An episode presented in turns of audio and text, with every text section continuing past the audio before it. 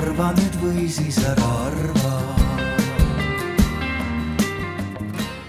kell on kaks ja algamas on arutelu plast, kas kahekümne esimesel sajandil veel vajalik minu nimi on Anna-Tselin Kraus, ma olen üheksateist ja ma unistan sellest, et maailm oleks plastimurest vaba.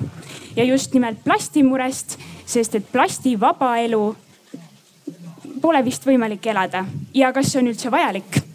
selle üle me täna arutamegi, sest et äh, kohal on viis väga, väga eriilmelist häält. teadlaste poole pealt räägib meil Andres Krumme, Tallinna Tehnikaülikooli materjali ja polümeeride instituudi professor. järgmine on meil jäätmekäitlejate ja üldse sellise majanduse hääl on meil Ragn-Sells turundus- ja kommunikatsioonijuht Rainer Pesti. Bravo. Bravo. Kogukondade ja plastientusiastide poolt räägib täna Precious Plastic Estonia asutaja ja tiimiliige Daniel Raljov. ajakirjandus, meedia ja tarbija eestkõneleja on tänane ETV äh, saatesarja Planeedipäästjad, toimetaja ja saatejuht Kadi Jaanisoo Kuld. Ja plastitootjate esinaine on täna Eesti Plastitööstuste Liidu tegevjuht Pilerin Laanemets ja me ei tohi unustada ära oma publikut, kellele läheb tänane esimene küsimus ja jätame ära kõik inter, interaktiivsed hääletusmeetmed, sellepärast et parim vahend on selleks käsi. kui te arvate, et selle küsimuse vastus võiks olla jah, siis ma palun teil käe tõsta. kui ei, siis jätke käsi alla. ja küsimus on väga lihtne, te olete seda kõike juba täna kuulnud. kas plast on kahekümne esimese sajandi, sajandil veel vajalik? nii, ma näen, et jah, käsi on ikka tugevas enamuses. ja täna me proovime siis vaadata, et kas teie arvamus muutus või jäi samaks, ehk siis äh, kas tänane arutelu üldse läheb õigesse kohta või, või räägime me lihtsalt poolteist tundi plastist niisama, aga see on ka väga põnev. nii et esimene küsimus läheb mulle professor Andres Krummele ja küsimus on selline, et kas plast on maailma parim materjal maailmas on palju materjale, aga plast on nendest vast üks äh, mitmekesisemaid materjale. ja seega tähendab seda, et ta on väga laiadesse eluringidesse meile jõudnud, mille olulisust või vähem olulisust me siis saame siin ilmselt, ilmselt varsti arutleda. et vastus ongi nii, et, et raske on üldse öelda materjalide vallas, mis on parem, mis on halvem. iga asi peab olema oma õiges kohas puit, metall, keraamika, plastid nad on kõik oma, oma koha elus leidnud, mõnega rohkem probleeme, teisega vähem. Et minu esialgne vastus selline. aga ikkagi meil on mingi, mingit sorti plastiprobleem maailmas, sest seda kasutatakse vist valesti.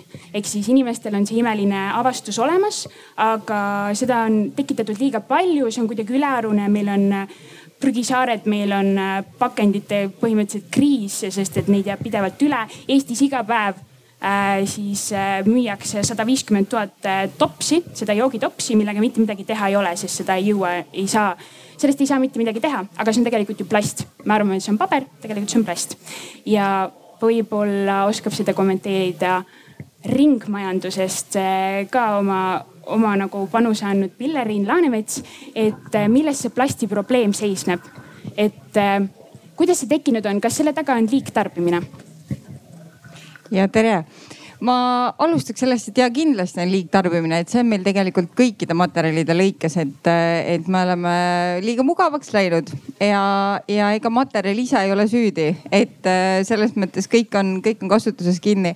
aga, aga eks ta loomulikult algab sellest, et kas me tarbime ehk liiga palju, teine on see, et kas me saaks ehk kauem tarbida ja kui me oleme nüüd maksimaalselt kaua tarbinud, kas me suudame vaadata mis sellest siis edasi saab. Ja tegelikult meil on võimalused olemas, aga me peame kõik pingutama, et siis lugeda, harida ennast, et äh, teada, mida selle materjaliga edasi teha.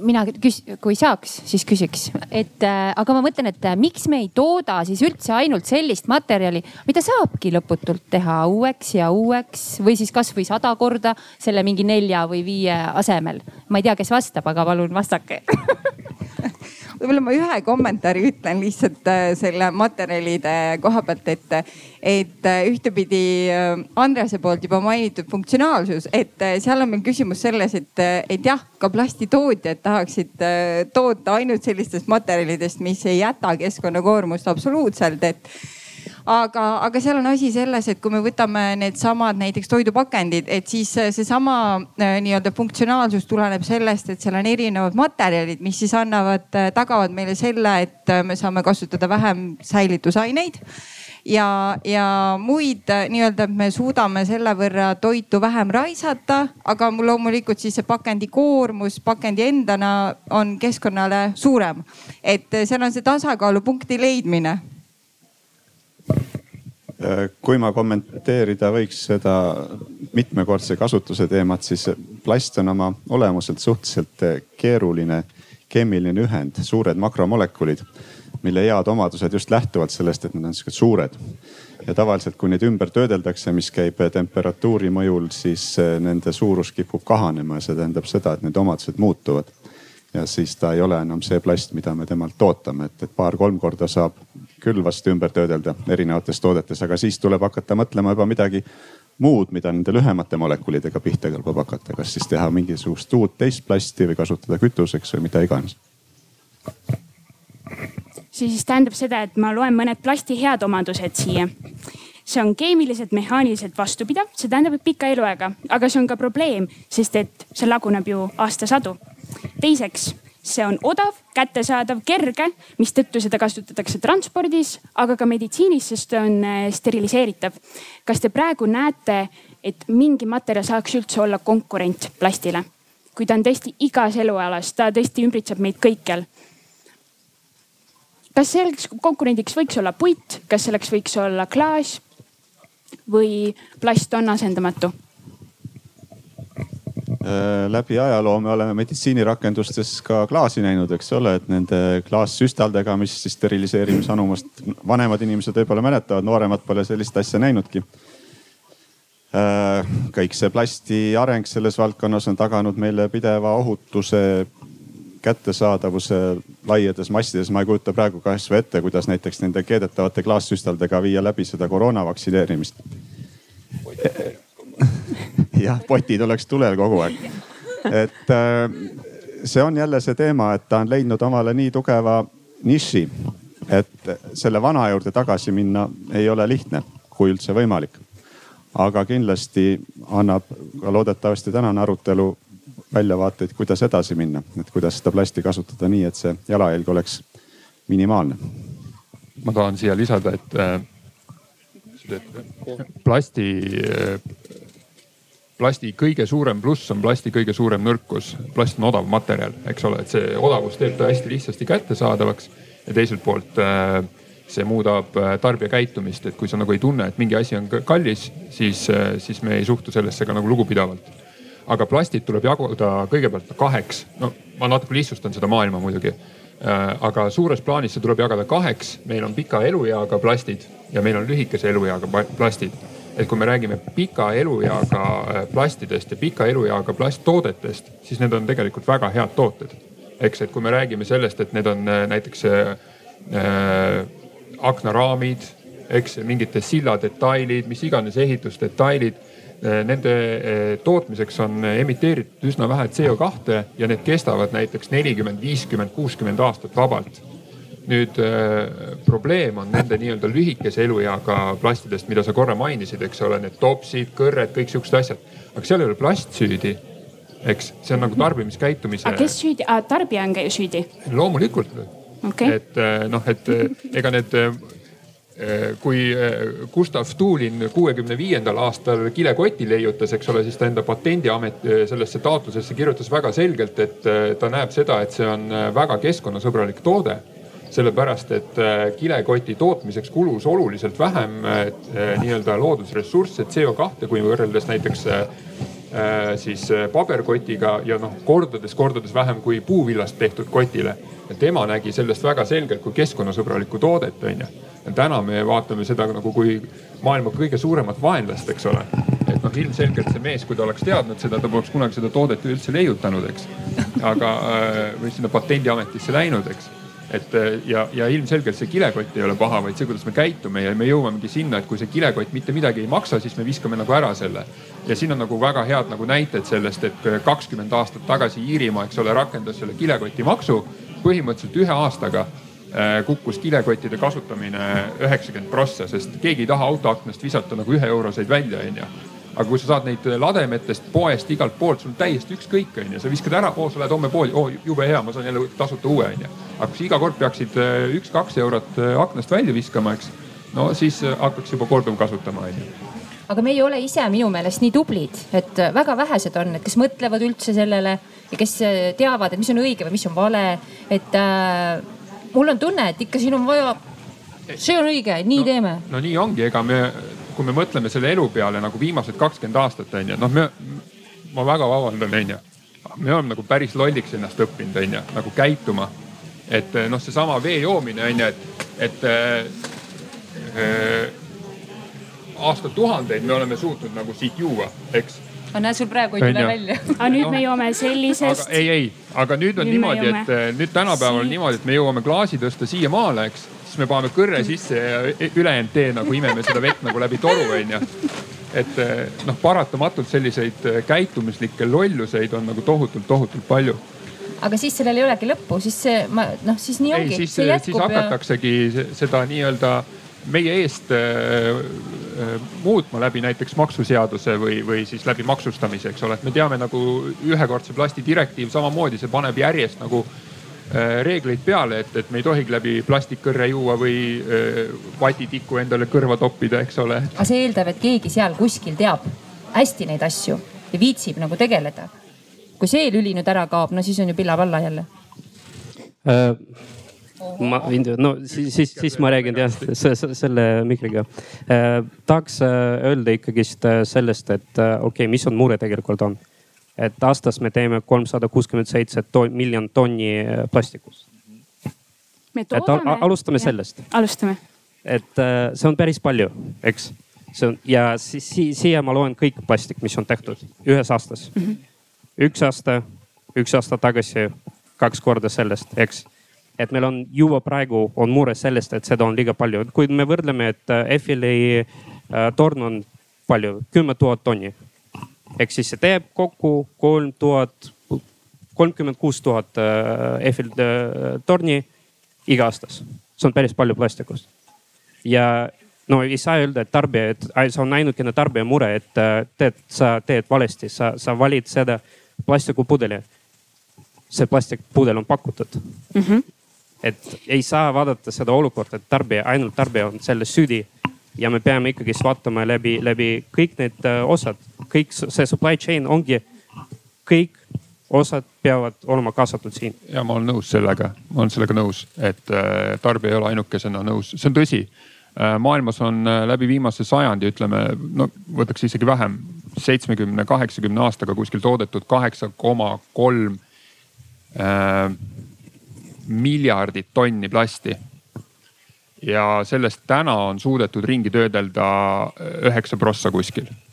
nii et üheksakümmend üks prossa sellest plastist on kõik siin äh, kuskil äh, endiselt olemas maa peal räägime sellest, et me toodame juurde plasti, mitte see me ei ole plast, tõesti... mis, millest me jälle midagi teeme, vaid see on äh, uus asi või? no globaalsel tasandil üldse plasti, isegi täna aastal kaks tuhat kakskümmend üks globaalsel tasandil selline plasti ümbertöötlemise rate on kuskil äh, kaksteist prossa. aga Äh, väga oluline on järjekordselt, et kui me räägime, et kolmsada seitsekümmend miljardit tonni toodetakse aastas või miljonit tonni, vabandust, mitte miljardit, miljonit tonni. siis nelikümmend prossa sellest on äh, pika elueaga tooted, et need ongi kolmkümmend, nelikümmend, viiskümmend aastat ja siis on kuuskümmend prossa, mis on lühiajalised tooted üldjuhul. nõus, aga täpselt samamoodi nad jäävad siin. jah, nad jäävad siia, noh osad lähevad. kas me, kas me teeme, mis me teeme sellest pärast? aga mis nendega üldse tehakse? ma tahaks teada, et kui nüüd keegi enam ei kasuta, kus, kus see läheb siis lõpuks? Võib-olla ma kommenteerin seda, seda siis plasti elutsüklit läbi, läbi erinevate ringluskordade, et äh, sisuliselt meil on siis kaks ümbertöötlusmeetodit, mehhanismi, üks on siis mehaaniline ja teine on keemiline. mehaanilise korral on siis, meil on sisuliselt Eestis kõik plastiliikide ümbertöötlus kaetud aga meil on pudelikael siis jäätmete liigiti sorteerimises just selles pooles, et kui teadlikud on tarbijad ja loomulikult ei saa ainult tarbijat süüdistada, sest et äh, nende valikute tegemine ja teadlikkuse tõstmine just sellest, et nad teaksid ka, millise plastiga on tegu, kuhu see panna, kuhu see ära anda, et see on loomulikult tootjate poolt äh, nii-öelda kohustus, millest see tuleb sisend anda aga, aga ümbertöötluse koha pealt siis nii palju, et äh, kõik plastiliigid on sisuliselt ümbertöödeldavad, kui nad on äh, juba algsel nii-öelda targasti, õigesti toodetud, ehk siis erinevad plastid peavad olema võimalusel eraldatavad. ehk siis, et äh, vältida selliseid komposiitseid materjale, kus on erinevad plastiliigid ühes tootes et nende ümbertöötlus on keeruline ja selle jaoks on nüüd siis nii-öelda välja töötatud ka keemiline ümbertöötlus, mis võimaldab siis just erinevaid plastiliike samamoodi ümber töödelda. ja mis nendest toodetest saab, mehaanilise nii-öelda ümbertöötluse korral üldiselt toimub siis igal ümbertöötlusel materjali väärtuse langus. ehk siis, et kui me räägime pakendist, mis on esimesel ringluskorral toiduga kokkupuutes, siis teisel ringluskorral ta üldjuhul ei või enam olla toiduga kokkupuutes. ta on kas transpordipakendis või ehitusmaterjal materjalides või sealt edasi, kuni lõpuks siis see viimane ringluskord või siis ütleme selle ringluse lõpp on energia tootmise näol. Mm. põletamine jah, põletamine, aga siiski mõistlikum kui ladestamine. Ja, ja kui me räägime keemilisest ümbertöötlusest, siis see on nüüd tänase hetkega ainukene tehnoloogia, mis võimaldab seda plastimaterjali voogu hoida siis väärtusahelas samal tasemel, kus ta esimeses etapis oli. loomulikult on igal ümbertöötlusel ka oma keskkonnakoormus, et seda tuleb alati vaadelda nii-öelda mitmest aspektist, et mis on see energiakulu, mis on see veekulu, mis meil kulub selle materjali ümbertöötluseks. et mõnel juhul on energia tootmine siiski lihtsalt paraku mõistlikum et, et see on väga nii-öelda materjalipõhine, aga, aga sisulised lahendused on olemas ja Eestis on ka kõik tehnoloogilised lahendused olemas, aga meil on see pudelikael siis just selle jäätmete liigiti sorteerimise ja, ja, ja teadlikkuse koha peal ka meie no, süüdi. mitte ainult, eks ole, et, et ikkagi väga palju, mis täna turule toodetakse, on ikkagi nagu kräpp, väga selgelt on kräpp, eks ole, et sellest ei saagi mitte midagi teha. Et, et, et nii ongi, et mida meie nagu näeme Ragn Seltsis üha rohkem, on see, et et isegi tootjad, kui nad märgivad peale, et see on üheliigiline näiteks sada, sada protsenti Äh, no nad ei märgi, eks ole, protsenti peale, vaid nad märgivadki need materjaliliigid, mis pakendi tootmisel on kasutatud, eks ole, ja siis sa näed selle, et seal on LDTP kasu, peale pandud. ja nüüd, kui sa lähed tegelikult seda ümbertöötleja juurde, siis ta ütleb, et ei, siin on äh, näiteks äh, teist plasti sisse segatud. valetatakse. tahad sa seda öelda? ei taha ma lihtsalt tahan öelda seda, et, et isegi kui tarbija teeb kõike nagu hästi, siis see ei ole garantii, et seda plasti saab ringlusse võtta aga ta on eeldus selle jaoks, et me saaksime rohkem võtta ringlusesse. eeldus on ikkagi see, et turule lastakse materjalid, turule las-, eeldus on kõigepealt see, et me disainime materjale ja me disainime tooteid. See on kõige eeldus, et sellest peab alati saama alguse, et, et see ongi ringmajanduse mõte, et kui lineaarse majanduse jookseb nagu sirgjooneliselt ja lõpp on prügimägi või nagu jäätmekäitleja, onju. siis ringmajanduses on see algus, onju, et me hakkamegi nagu mõtlema seda, et okei okay, mis materjalist, et kui me tahame, need asjad oleksid ringluses, et mis materjalist me üldse siis selle pakendi peame tegema ja mis disainiga. eks, et me loome üldse eos selle eelduse, et seda materjali saab uuesti korduvalt kasutada. Ja kui me nagu teeme crap'i, siis ongi ainukene võimalus tõesti, kas väga kallis näiteks eh, keemiline töötlemine, mis on mega-mega kallis, eks, või siis põletamine et äh, ja, ja need mõlemal juhul on ka väga CO2 mahukad nagu protsessid, et see ei päästa nagu kuidagi meid või ei aita meid kuidagi kliimaeesmärkidele nagu ligemale. ma korra vahele ütlen mõned mõisted. keemilise all te mõtlete pürolüüsi no see on äh, üks lahendus, see ei ole ainukene lahendus. ja disaini all me kasutame mõistet jätkusuutlik disain ütleme nii, lepime nii kokku. okei. disaini võiks ka täpsustada, disain taaskasutuseks ehk juba, kui seda toote või esimese elu. ringluseks, ma või korra kommenteerin, sest et Ja ei, taaskasutus ma ei ole ringlus, taaskasutustähe sisaldab tõesti ka põletust jah õige. et see on ringlusse võtt, on see õige termin. aga mõte jääb samaks, et tähendab, kui me juba toote esimest korda elule laseme, siis me peame juba mõtlema, kuidas tema järgmised ringid tulevad. Ja natukene noh, seda jälle seda süüteemat siin kommenteerides lihtsalt, no see on nüüd ilmselt küll mingisuguse majanduspaneeli teema. aga meid on koolitatud eh, tarbima kogu meie majandus püsib sellel, et me tarbime järjest rohkem, järjest mõttetumalt, järjest lühiajalisemalt. ja vaat eh, see on üks asi, millest tuleb lahti saada. aga see võib-olla jääb natukene teemast kõrvale. ma korra küsin kuulaja küsimuse, kui võib. see läheb väga hästi siia kokku. Joonas Ellermaa küsib. Miks on nii, et kui ma lähen poodi, siis seal on endiselt suured plastpudelite ja muu plastpakendite riiulid.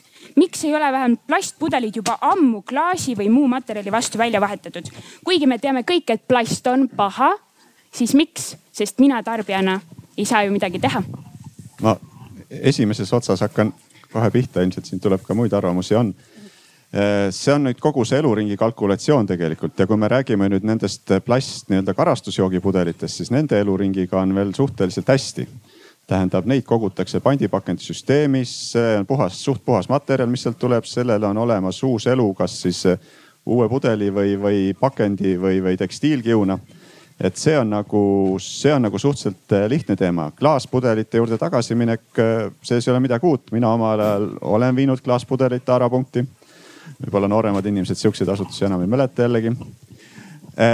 on, on muidugi mõte ja tegelikult kindlasti osade toodete vallas tuleb ka sinna jõuda. aga kui me nüüd arvestame, palju kaalub klaaspudel ja palju kaalub plastpudel, palju kulub elektrienergiat klaasi sulatamiseks ja sellest pudeli vormimiseks, palju kulub plastipudeli tegemiseks. ei ole lihtsaid ja üheseid vastuseid. et tegelikult kõikide asjade puhul peab kaaluma kogu seda tsüklit ja vaatama sealt, mis on nagu siis see kõige, kõige see elutervem lahendus, et meie elukvaliteet ikkagi säiliks. aga meie elukvaliteet ju tähendab ühtepidi ma tahan olla äge, siis ma võtan selle topsi ja käin seal mingis kohvikus ja kõik see on ju, siis on nagu mingi kvaliteet. aga teistpidi kvaliteet on ju see, et siis see loodus ju kannatab. kui see lõpuks see jõuab ju ei tea kuhu, neid on tuhandeid, miljoneid, miljardeid, nagu me kuuleme, kogu seda pahna. et see on ka nagu. Ja ongi, aga siis tuleb vaadata, kes kannatab, kui palju ja jällegi, kas me oleme, kui palju kompromissi valmis tegema. ja üks asi, kui siin nüüd, vabandust, ma lõpetan selle mõtte ära. kui siin kompromissist üldse rääkida, meil on valida, meil on piisavalt rikkust, et võtta ka siit see pandipakend ja, ja, ja osta see kaheeurone see taldrik, eks ole. aga on valdav osa, kus tegelikult ju ookeaniprügi tekib, on sellised inimesed, kel ei olegi midagi valida. Tema ainus valik ongi puhta vee saamiseks on tuua see pudel ära kuskilt, eks ole, ja kuna tal seal mingit kogumissüsteemi ei ole, lendab jõkke. et tegelikult noh, see on nüüd ka sihuke globaalne aspekt selles küsimuses. aga meil on valik ja me saame sellega eeskuju näidata ja kogukonnad, ma lihtsalt pöördun siia poole, East Precious Plastic Precious Plastic Estonia on selle oma nagu selliseks südameasjaks võtnud. Te tegelikult ise töötlete ümber plasti. Te olete ehitanud ja, masinad. meil esimene küsimus meil, mis meie käest küsitakse tavaliselt, et äh, kui palju tonni te saate sellega teha nagu ümber tastuda, et see ei ole, ei ole see teema. et me teeme just selleks, et äh, näidata, et see on oluline teema. me teeme koolitused, äh, kuidas, kuidas me taaskasutame seda plastikut meil on ehitatud oma masinad ja just lihtsalt nagu näidata, et mis see materjal on, kuidas sa purustad seda, mis granulid sa saad sellest. et see on sihuke väike tehas, mis sa saad äh, mobiilselt kuhugi tuua, näidata, et mis see on. ja ma olen, see, see on nagu sada protsenti tõsi tegelikult, et äh, see tarbimine on esimene osa, kust me alustame. teine teema, nagu ma juba ütlesin, nüüd, nüüd ma ütlen veel üks äh, number, et aastast kaks tuhat viis pool plastikust on tehtud meie maailmas praegu mm -hmm.. ehk siis see, see run rate jah, on, on nii suureks läinud. väga lineaarne, väga yeah. lineaarne. väga, eksponentsiaalne täpselt, et äh, lihtsalt, et me kogu aeg me arutleme ja mõtleme, et mis me saame teha, et reaalne lahendus ongi, et me hakkame seda põletama. ja nüüd meie, meie küsimus on selles, et meil on vaja siis otsida mingid teised filtrid, CO2 filtrid või mingi tehnoloogia, mis saab seda, seda kuidagi paremaks teha. Aga okei okay,, otsustame siis ära, et paneme põletusse kogu selle plasti, mida nagu vaja ei ole. ei saa praegu veel kahjuks. no nii jälle ei probleem, ei ole raha, mida meil ei ole, raha ei ole, know-how on või? oskame, oskaksime me täna niimoodi põletada, et me saaks väga palju elektrit ja kõik oleks nagu mõnna, paneme siis sinna ja mis me enam räägime. ega seda valdavalt eh, segajäätmetega tehaksegi praegu. nii see, nii see kahjuks ongi. noh, siin nüüd tuleb järgmine etapp, järgmine. tark inimene küsib, et aga, aga kus see soe, mis sealt saadakse, eks ole aprill, mai, juuni, juuli, august, september pannakse, mis sealt põletusjaamas saadakse ei tea, võib-olla suvel koguvad ja talvel kütavad. et see noh, jah, see on, see on nagu nüüd omaette teema. aga no võib-olla me selleni veel jõuame, aga mina olen nagu selles mõttes süsinikuneutraalse plasti usku. ehk see, mida me kütmiseks võtame, et see on korra juba nagu õhust võetud, ehk siis bioplastid. aga võib-olla on veel vara seda teemat avada ei ole vara, aga pigem jah, et see põhjus, et eh, kas nagu süüd me ei saa kellegi kaela veeretada. keegi ei ole süüdi, samas kõik peavad koostööd tegema. mille nimel? parema homse nimel no meil ongi plastiga nagu sellist, no mitte plastiga, aga üleüldse täna nagu sellises globaalses plaanis. Okei okay,, see läheb pikaks, ma, ma jään sinna plasti juurde. ma jään plasti juurde, et, et meil on nagu kaks challenge'it, et üks on see, mis need plastijäägid meile tekitavad öko, ökosüsteemi koormust, onju teine on nagu CO2 teke, et see, eh, need eh, noh, mõnes mõttes me võime öelda, et need on, no need tuleb mõnes mõttes ikkagi lahus hoida.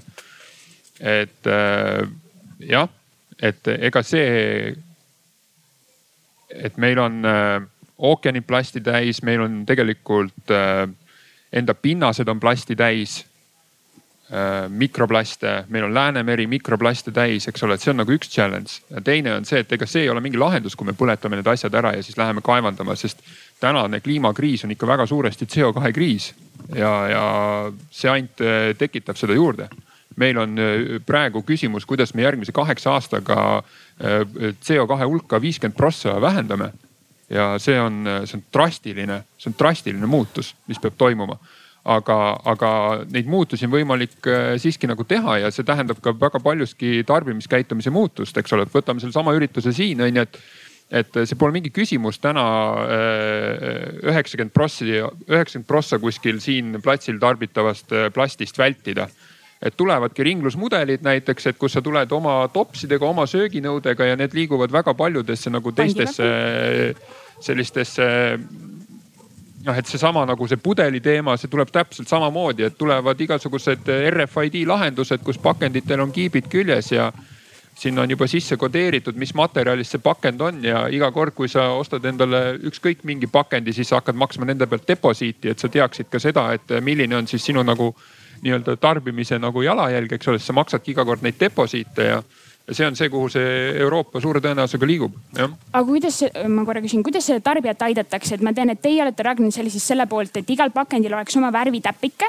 et mis, see on juba sorteerimine, et äh, mis äh, prügikasti see läheb, sest väga keeruline, ma ei tea, ma võtan jogurtitopsi, mul on seal kolm eri liiki materjali ja ma ei tea ma võin selle natuke üle loputada, see ei olegi nii oluline, seda nagunii pestakse seal, aga, aga väga keeruline on tarbijana ikkagi sorteerida ja üldse nagu aidata kaasa sellele, et me ja see värvitäpi idee on mul kuskil äh, ka suva, äh, äh, noh, see, see on nii lihtne, eks ole, see muudaks sorteerimise nii lihtsaks, et sa tead, et kui sul on pakendil üks värvitäpp peal, sa teaksid täpselt, kuhu see panna, onju. no aga siin tekib ju see teema ka, et, et loputan ära. kuule, vesi on selline defitsiit maailmas, ma siis loputan ära, et no ei loputa äkki, et no. mis see lahendus nagu on siis? Millele? siis pesete teie või? Te ju ka ei pese neid tegelikult. pesevad, on ju? pesete, pesete.? No, eh, meie otseselt ise ei pese, küll aga ennem kui nad lähevad siis eh, plasti ümbertöötleja juurde, siis seal neid eh, lastakse veevannidest loomulikult läbi, jah. nojah, sealt tuleb see veekulu nagunii ja kindlasti selle sorteerimise saab lihtsamaks teha see, kui toode ise on juba lihtne. et meil ei olegi kümneid erinevaid plastiriike liike pakendiringluses, vaid, vaid see liikide arv on, on äh, vähendatud ja nende eraldamine muudetud äh, lihtsamaks. muidugi praegu paljuski toidu kvaliteet on tagatud tänu sellele, et ongi, kasutataksegi mitmekihilisi kilesid, millel igal kihil on veel oma funktsioon. aga võib-olla leiab sinna lihtsamaid lahendusi, võib-olla on ka tarbija nõus oma elu muutma natuke keerulisemaks, et see toidukaup ei peagi tal kuude kaupa säilima, võib-olla harjutabki ennast natuke tihemini poes käima võib-olla tekib ka poodidesse just seesama selline süsteem, et sa maksadki selle pakendi eest, mis on piisavalt tugev, et kaks-kolm ringi vastu pidada, et, et sellega uuesti poes käia. või noh, et sa viid sellegi nagu pandi tagasi saad. noh, toidutööt-, töötleja ilmselt ei taha seda, et, et igaüks tuleks poodi oma kausiga sealt midagi võtma, sest pärast ei tea keegi, kus see, kust tal see nakkus siis tuli, eks ole. aga ilmselt siis on ja kas kaubamaja või keegi juba on katsetanud mingisuguseid asju. Stockmann jah. jah, või Stockmann, et sa viid oma määrdunud karbi sinna, see pestakse kontrollitult ja saad puhta karbi tagasi. et just sellised ringmajanduse mõtted. aga see karp on ikkagi plastist tehtud? plastist on ta endiselt tehtud jah. üks asi on see, et plast, et okei okay,, et ta on noh tüütu, ei tea, mida teha ja igavene rämps on ta algusest peale enam noh, umbes nii oleneb, eks ole. et aga see on ju, seal mingi tervise aspektid ka peale selle, okei okay,, et on vees või midagi. aga seesama, et kui ma söön, no ma ei tea, kas see vastab tõele, et kui ma joon täna mingit ma ei ütle nime, aga noh, mingit plastpudelist vett kuskilt tuli Eestis on ju. et siis ma tegelikult joon neid mikroosakesi ikkagi endale sisse, et kas see on tõsi või on see linnalegend? või kui ma panen mingit kuuma kartuliputru kuskilt letist, eks ju, endal sinna, siis ma tegelikult söön ka neid sisse. teadlane võiks teada see mikroplasti teema on tegelikult noh, ütleme niimoodi, et seal on kindlasti palju legende, seal on kindlasti ka palju, palju tõtt. aga ta on ikkagi üks teema, mille, mille uurimises noh, ollakse alles veel suhteliselt äh, algusjärgus ja tema pikaajaliste mõjude mõistmisel. ka mina ei ole kahjuks päris selle, selle asja valdkonna inimene. no ühtpidi plastiliike kõigepealt on, on hästi palju. Ja üks, üks äh, potentsiaalne ohuallikas on tegelikult äh, plasti lisandid. Ehk igal juhul see, kes seda materjali toodab, peab garanteerima selle, et, et seal sees on ikkagi see plast, mis on inimesele ohutu, mitte mingisugused äh, lisaabiained, mis võivad kahjustada teine terviseriske teine teema on äh, plasti lagunemine. noh, siin oli, sellest on nüüd aastaid möödas, ma ka Eesti Televisioonis käisin esinemas. polükarbonaat on näiteks sihukene materjal, millest valmistatakse sihukeseid äh, suuremaid joogipudeleid. ka vist äh, praegu on need, ma nüüd ei julge öelda, kas need on enam ringluses või mitte, aga too aeg tehti ka veel lutipudeleid ja polükarbonaat on siis selline aine, mis polümerina on täitsa kobe. aga kui ta laguneb, siis seal tekivad siuksed ühendid nagu bisfenool A, eks ole, ja teine on nagu võib-olla näiteks ka fosgeen, mis on sõjagaas, eks ole et, et selles mõttes eh, peab olema ka tema tarbimisel ettevaatlik, et sa ei tohi kasutada materjali üle tema ettenähtud eluea vales kohas. teda, kui plasti ei ole ette nähtud kuumutada, siis teda ka ei tohi kuumutada. aga kes seda kontrollib, kas keegi kontrollib siis, käite vaatamas, et mis need, kuhu me paneme oma toitu või? Äh, see on nüüd seesama siin ja ilmselt on. ma lihtsalt kommenteerin tootjate poole pealt, et loomulikult on, on väga kindlad reeglid, äh, millist äh, plastpakendit või plasttarvikut tohib kasutada, kus täpselt ja, ja millistel tingimustel, kuidas on ta siis toodetud, mida ta tohib sisaldada, mida ta ei tohi, millised temperatuurid tohivad olla kokkupuutes millised mitte. et äh, seda loomulikult äh, järgitakse, seda kontrollitakse, et äh, need on väga-väga-väga kindlad kriteeriumid, millele tuleb vastata selle jaoks, et näiteks toidupakendit toota, selle jaoks, et ta oleks inimesele ohutu jah ei, siin on see usalduse teema, ega me puutume kokku selle plastiga, aga me ju sööme ka sisse ju ikkagi seda, mis seal pakendi sees on, eks ole, seal enamus toodetel, mis poest tulevad, on see nimekiri päris pikk. ja peale selle tulevad nad veel teab, teab kust, eks ole et äh, neid riskikohti on tegelikult ju väga palju. kohutav on elada. on, kui selle peale mõelda, siis väga nagu ei tahakski. aga no. tuleb esa, edasi pusida ikka jah, pole midagi. ma kunagi lugesin ühte raamatut äh, erinevatest nagu patendi, patendi teemadel, eks ole, ja üldse leiutiste teemadel ja siis seal oli üks äh, mõnus selline äh, Ameerika patendiameti direktori lause äh, aastast tuhat kaheksasada üheksakümmend üheksa ja ta ütles sellist lauset, äh, ma arvan, et kõik, mis inimene suudab leiutada, on juba leiutatud, on ju, aastal tuhat kaheksasada üheksakümmend üheksa, jah täna me ei usuks teda, onju. ja tegelikult noh, siin, kus äh, täna me selles maailmas nagu elame, me nagu veits nagu usume, et kõik, mis on leiutatud, äh, see ongi juba nüüd nagu leiutatud. aga tegelikult kogu see pakendite teema, see materjali teema see on eh, tekkinud viimase kahekümne, kahekümne viie aasta jooksul, eks see on nagu eh, loomulikult need polümeered on, eks ole, eh, sada viiskümmend aastat tagasi leiutatud, aga tegelikult nagu see eskaleering on või, eh, toimunud nüüd. Ja, ja me alles hakkame aru saama, et holy schmoly, et, et see teekond, mis me valisime, see ei ole päris õige. ja me peame seda nüüd muutma on ju, ja seal on nagu küsimus ongi nagu sellest, et okei okay,, mis on need alternatiivid, on ju. me teame seda, et tulevad juba nii-öelda eh, plaaplastid, mis on nagu biotoormel põhinevad plastid, eks ole. Nende järgmine generatsioon, nende tänane mure on see, et neid ei saa ümber töödelda, et nende kiud või see nii-öelda struktuur ei luba neid ümber töödelda. aga juba nii-öelda teadus on jõudnud ja teadusarendus on jõudnud sinnamaale, et on ka plaaplastid, mida saab ka korduvkasutada, eks ole materjalina ja sealt tekibki nagu järgmine küsimus, et okei okay, äh, kas me hakkame plaaplaste kasutama, on ju, et lõikame maisi, kõike seda, et mis see lõpuks nagu see ökoloogiline jalajälg on sellel, on ju. Või siis näiteks mingitel puhtudel me jõuamegi sinnamaale, kus pakendi disain või see teenuse disain on selline, et, et seda nii-öelda ühekordset pakendit üldse ei tekigi, vaid see käibki kogu aeg ringluses, eks ole. siis me küsime, et mis see kõige parem materjal on selleks, eks ole. et su küsimus oli selle ringluspakendite puhul, et see peab ikkagi plastist olema. jah, see peab olema täna plastist, sellepärast et äh, klaas läheb väga kiiresti katki, on ju. metall on mega raske ja, ja plasti saab sedasama ringlustopsi, noh, sa saad umbes viiskümmend korda kasutada ja siis on tema nii-öelda ökoloogiline jalajälg väga-väga väike ja kui ta on tehtud veel plastist, mida saab ümber töödelda, no super, eks, ega ta ei ole mhm. halb, aga päeva lõpuks kogu lahendus või see, kuhu me peame jõudma, on ikkagi küsimus sellest, et kui palju me tarbime, kui palju me tarbime, eks. et, et mis on meie kui indiviidi ökoloogiline jalajälg olgu nii, aga kui me võrdleme seda kahte plasti, et mul on siin tavaline plastpudel ja siis mul on see nii-öelda mitu korda kasutatav, see on kohe tunda, et on tugevam. mis tähendab seda, et kui ma selle jätan päikse kätte, näiteks auto armatuurlauale, siis ma võin kindel olla, et siit äh, tulevad mulle vette need kõik need lisaained ja kõik muud asjad ja ma joon selle sisse. kas te saate kinnitada, et kui ma seda juba viiekümnendat korda kasutan ja päikese käes hoian, et kas see on nagu mulle turvaline, ohutu? keegi seda praegu ei tea mina seda vastata ei oska. praegu keegi ei tea seda. äkki tema teab? Ei, ma kindlasti, kindlalt, kindlasti ei tea, see on jällegi seesama, see usalduse teema. no see vasakpoolne pudel on siis polüetülentereftalaat, mis on natuke keerulisem molekul ja mille laguproduktid võivad olla võib-olla ka pisut keerulisemad. Äh, ja ka lisaainete teema, ja parempoolne näitab Parem... mulle PP. see on siis äh, polüpropüleen, mis on siis äh, natuke lihtsam molekul, keemiliselt koostiselt võiks isegi olla sarnane pisut äh, vahaküünlaga näiteks. Et suhteliselt üks neutraalsemaid plaste, et, et sellest tootest, kui sinna ei ole midagi lisatud, jällegi räägime mm -hmm. plastitööstus, kasutatakse palju lisa ja abiaineid kui nende valik on nii-öelda mõistlik, siis ma selles, selles tootes nagu riske ei näe.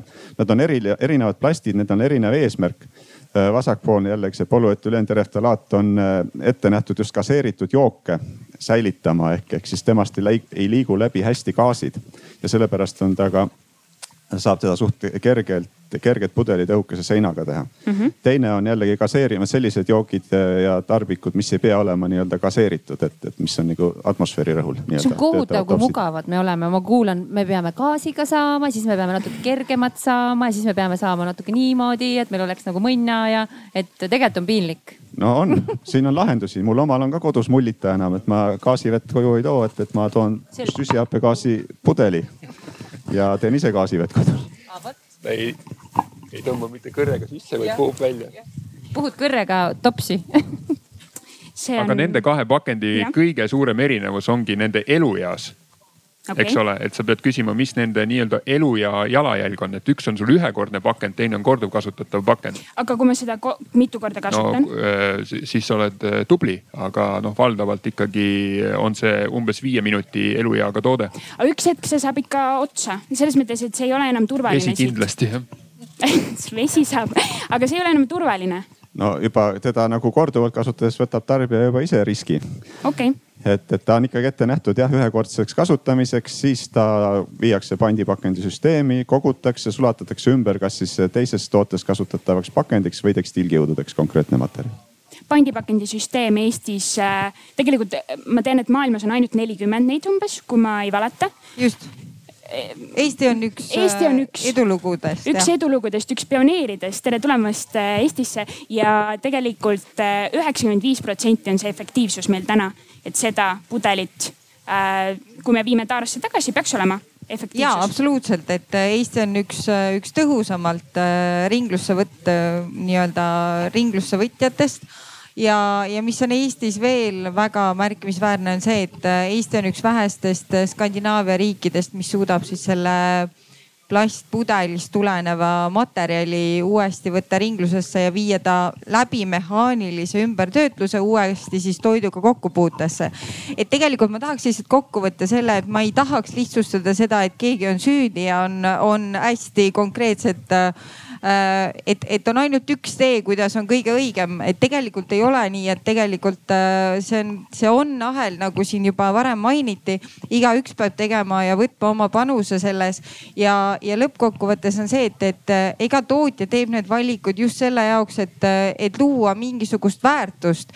Ja me peame ikkagi suutma hinnata kogu selle materjali ja toote elutsükli keskkonnakoormust. Ja mõnel juhul on see ringlus ja keskkonnakoormus väiksem ütleme ringlus tõhusam ja keskkonnakoormus väiksem ringlussevõtul, mõnel juhul on see energia tootmisel, mõnel juhul korduskasutamisel, et see tegelikult väga palju sõltub ikkagi kasutusvaldkonnast, et, et see kokku võtta.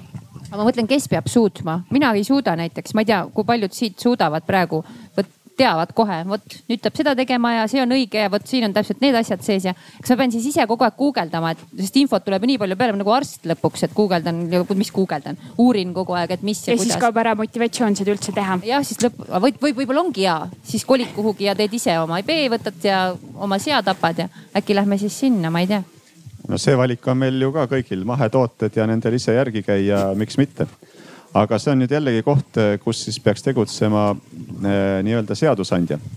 et eh, see süsteem oleks eh, lihtne, et see oleks läbipaistev, disainitud taaskasutuseks ja nii edasi. noh jällegi ma toon toidu võrdluseks, ega seal on täpselt ju see, täpselt seesama teema ja ma ei usu, et tavatarbija peaks ja ja suudakski seda teha ikkagi, see on ikkagi riigi toimimise korraldajate küsimus, et see usaldusväärsus oleks oleks tagatud ka materjalide valdkonnas ja tulevik, mina näen, et ta peab muutuma lihtsamaks. et sellist süsteemi ei jaksa noh keegi väga jälgida. ja ma mõtlen, et minu vanaema, kes näiteks tegi hiljuti oma õele vihmavarjust koti, noh taaskasutus missugune äh, vaadates seda planeedipäästjate saadet näiteks, ta ütles, issand, ma sain teada, ma ei teadnud, aga kuhu ma viin, oota, mis kohta, mille ma panen, et, et tegelikult inimesed, kes on oma loomult väga säästlikud ja kuidagi oskavad, siis ega neil seda infot kuskilt võtta ei ole, ta ei guugelda ju et äh, ma ei tea, on see kuskilt saadav siis niimoodi? et kes peab selle eest vastutuse võtma, et see info kas ei saa olla siis? mina ei usu, et äh, riik suudaks seda teha, kui ma aus olen. kas see on siis näiteks a la poes on kuskil kirjas iga kord, siin on lett ja siin kõrval on täpselt info, siis kõik me seisame seal luupidega ja loeme, mis on, on ju ja ma ei tea jälle pood peab võtma siis selle nüüd äh, suure asja kanda või? no jällegi see peab olema piisavalt äh, lihtne tarbija jaoks, et äh, meil on olemas kollased äh, siuksed prügikastid. ja need äh, loogika ongi selles, et äh, kõik plast läheb siia. ja see on see, mis näiteks me ütleme teistele ka samamoodi, et meil on mingi koolitus, meie käest tihti küsitakse, et okei okay,, ma tahan siin osaleda. väga tore, mis ma teen nagu tarbija ja ainukene asi, mis me seaduslikult saame öelda, siin on see kollane prügikast, palun siia. mis toimub peale seda, me ei tea. et see... reaalselt äh, me tahaks äh, loota, et see läheb kuhugi ja me saame sealt äh, hea ranraid sellest plastikust, saame mingid topsid või. vähemalt viis elu peaks olema. oleks tore ja., jah. paberist saab munakarp kõigepealt peavad kõik üles leidma selle kollase kasti ka tegelikult. kuidas maapiirkonnas on, kuidas maapiirkondades on see orgunnitud? kas neil käib ka see kollane kott seal koju või? ei käi või? mis nad maal teevad, põletavad, kaevavad endiselt maha või? konteinerid on. mina arvan, et enamus kaevavad maa sisse nagu vanasti, päris ausalt. ma tean, kes kaevab, ma tean mõnda. see võib nii olla no mis me siis teeme, et eh, keegi tegelikult ei taha vastutust võtta, keegi ei ole süüdi, ometi probleem eh, on olemas et eh, kuidas saaks siis motiveeri- või kus see initsiatiiv peab tulema nüüd, et kas riik, tootja, kogukond? see peab olema riik ja põhjus on minu meelest, no see on minu arvamus kindlasti, aga Äh, meil on siiamaani on, on olemas äh, toredad äh, Coca-Cola plastpudelid ja seal me kasutame ainult toorainet. okei okay,, ma, ma, ma lugesin, see on võib-olla mingi kolmkümmend protsenti nad kasutavad. plastikust, mis oli taaskasutatud. reaalselt nad kasutavad äh,. puhast. toor, toora jah. naftast, jah. ja see on odav mm, -hmm. see on odavam, see on majandus ja jällegi tarbimine on see, kus see alustab ja majanduslik äh, huvi on siin väga-väga tugevalt sees. aga mäletate Joonas Hellermaa küsimust, et nagu mina olen tarbija, ma lähen poodi, mul on riiulil plast ja mida ma teen, mul ei ole valikut. jood kodus no mingid valikud ikka on, onju, et, et ma enda tarbimiskäitumisest räägin, et äh, ma lähen Circle K-sse, ma ei osta kunagi kohvi, kui mul ei ole enda topsi kaasas, eks ole. Äh, seesama veepudel, ma kasutan iseenda veepudelit, onju, et äh, ma ei, ma ei osta neid ja, ja elus olen, onju. ja, ja noh, see on nagu vägade paljude teiste asjadega küsimus, kes peaks tegema, seda ma ei seda vastust ma ei oska öelda, aga ma ütlen sulle, et kes teeb selle okay. ja siin on täna selge, et, et kui me vaatame nende nii-öelda äh, kliim, kliimakriisi nagu eskaleerumist, siis täna on ikka väga selgelt, et äh, Euroopa Liit võtab väga jõulisi nagu samme selles osas, jah ja läbi maksustamiste, läbi tootjate maksustamiste, läbi tarbimise nagu kaudse maksustamise, et, et äh, Rainer, see on Euroopa Liit, see on mingi pisike junn, vabandust väga, aga vaata, mis mujal toimub. No see ikkagi ei ole, eks ole, pisikene junn, noh, kui me räägime nagu plastide mõistes, siis globaalses plaanis parandage mind, aga ma arvan, et see on kuskil kakskümmend protsenti kogu äh, maailma nagu plastist tarbib see äh, viissada miljonit inimest siin. Ja Pillerin Laanemets nõustub. okei okay. okay., okei okay,, siis see on globaalne probleem ja meie oleme siis Euroopa Liidu nii-öelda käpa all ja proovime siis oma riigis midagi teha jah, et ma, ma ühe väikese repliigi veel nagu toon, et me noh, et seda suurt pilti nagu näha, siis meil nagu tundub, et me oleme hästi sihuke nagu ökomöko rahvas, eks ole, et, et meil on palju metsa ja tegelikult ongi nii, et, et me elame sellise üsna vanajumala selja taga, et, et mõnes mõttes see Eesti riigina ja asukohana, see on üks eriti nagu nii-öelda tuleviku nagu trende arvestades, noh, me elamegi nagu vanajumala selja taga, et, et meil on väga palju metsa, meil on väga palju äh, magedat vett. et äh, aga kui me vaatame iseenda jalajälge, eestlaste jalajälge, siis äh, võib-olla mõnedel on tuttav selline väljend nagu Earth Overshoot Day, eks ole, et kus siis nagu vaadatakse seda, et mis on äh, nii-öelda elaniku jalajälg siis täna meie eestlastena me tarbime kuskil neli korda rohkem, kui me tohiksime, eks ole. et kui, kui me paneksime kõik need ressursid, mida me tohime tarbida, paneks ühte lattu ja ütleks, et me ainult võtame sealt aasta jooksult ja mitte rohkem, eks. siis eh, Eestis sai see ladu eh, tühjaks märtsikuus ülejäänud kaheksa kuud me võtsime tulevikugeneratsioonide arvelt ja täna see nii-öelda planeedi ökoloogiline Äh, bilanss üldse veel noh, me ei saa enam rääkida, et see on tasakaalus, aga see mingilgi määral on nagu okei okay, tegelikult näiteks tänu Indiale.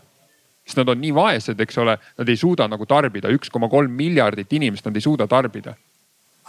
aga kui see üks koma kolm miljardit hakkab ka tarbima, ehk tekib seal keskklass on ju, noh siis läheb nagu põnevaks Äh, et aga, aga vastus on ikkagi nagu sellest, et me peame vaatama iseenda nagu ökoloogilist jalajälge ja täna äh, mulle meeldib sellest CO2-st nagu just rääkida, et, et siis me äh,. me oleme küll Euroopa mõistes, me emiteerime ainult null koma viis protsenti, aga, aga kui me hakkame vaatama nii-öelda inimese tasandil, siis me oleme ühed kõige suuremad CO2 emiteerijad Euroopa Liidus, ma arvan, et top viies me oleme kindlasti. tarbimise kontekstis jah? jah ma... tootmise, tootmise kontekstis kui see CO2 juba mängu tuli, siis ma nüüd plastivõtmes natukene lisan siia taustsüsteemi. ehk siis äh, ütleme siis sellest äh, fossiilsetest äh, materjalidest, mis kaevandatakse, nafta ja muud, läheb plasti tootmiseks alla kümne protsendi.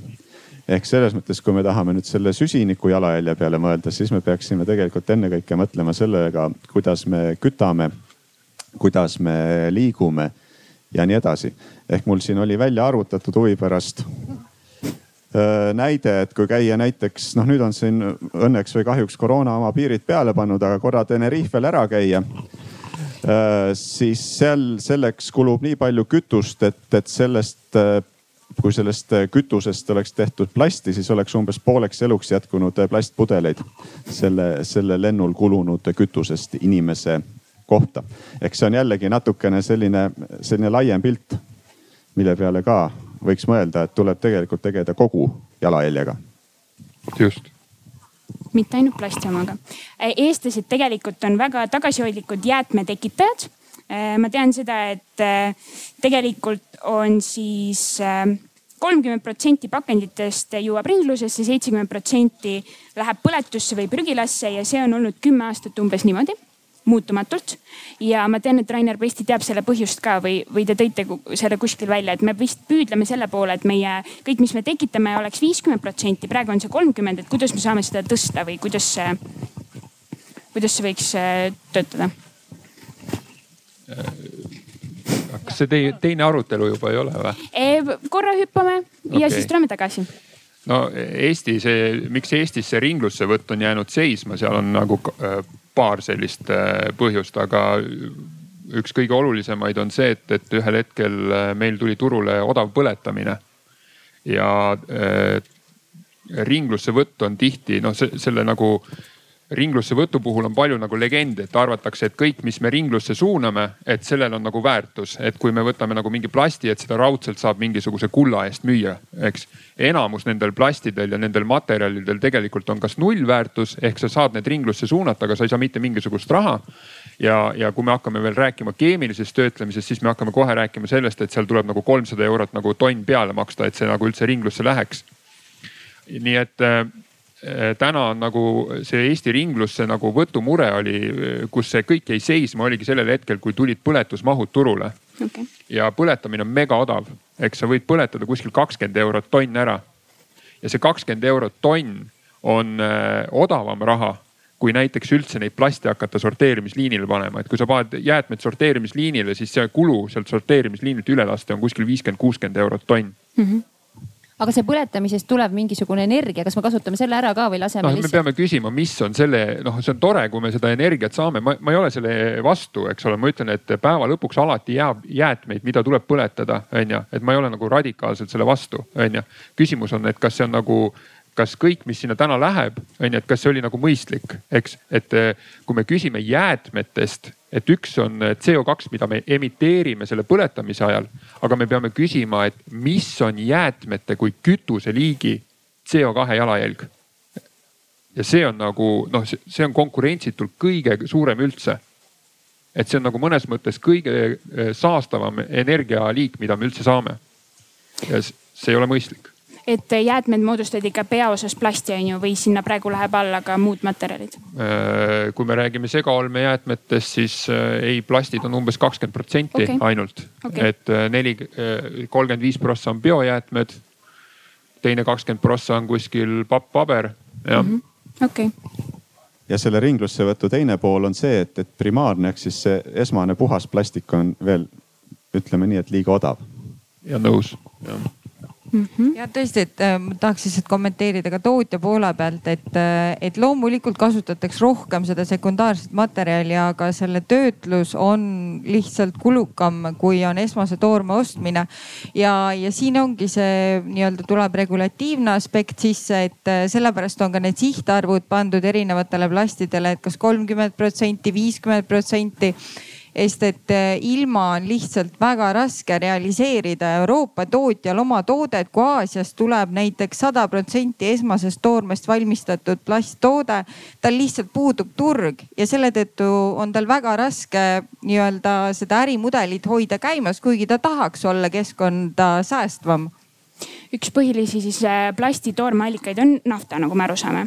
aga nüüd ongi vist õige aeg liikuda nende innovatsioonide lahendusteni, et üks variant oleks siis asendada see nafta mingi muu äh, toormega. ma tean, et Andres Krumme seisab selle eest, et see oleks tselluloos tselluloos on jah selline sõna, mis siin Eestis on tekitanud erinevaid ja tihtipeale ka teravaid emotsioone. tihtipeale on, on selle taga olnud ka, olnud ka võib-olla muud ambitsioonid aga fakt on see, et, et siin on juttu olnud, et, et kui palju, kui palju on seni plaste toodetud ehk kuskil siis kaheksa-üheksa miljardit tonni läbi ajaloo. on see, et biosfääris äh, valmib igal aastal siis seda tselluloosi konkreetselt, mis on siis üks tegelikult üks väga hea ka plastitoore, valmib üheksakümmend miljardit tonni iga aasta et selles mõttes on siin välja arvutanud, et kui me sellest nagu suudaksime mingisugune null koma null ühe protsendi äh, muuta materjaliks, siis me saaksime asendada äh, põhimõtteliselt kogu plastivajaduse. Loomulikult see ei ole nüüd nii lihtne ja triviaalne selles mõttes, et äh, nagu ma siin ka alguses ütlesin, plastiliike on palju erinevaid lähtuvalt vajadustest ja omadustest. Aga just sellise lühema elueaga sektori katmiseks, mis on siis noh, siin oli jutuks, et see peaaegu pool plasti tarbimisest on ikkagi selline pakendivaldkond, kus see eluiga on seal mõnest, mõnest tunnist kuni mõne, mõne kuuni. et just selles sektoris eh, võtta siis kasutusele biopolümerid. valik on mitmekesine, siin eh, kolleeg mainis siis seda PLA plasti, polülaktiidid, mis on siis, saadakse tegelikult siis põllumajandustoormest aga tselluloos ei ole, on ka põllumajandusjääde, on metsandus, seda on meie ümber, meie ümber igal pool.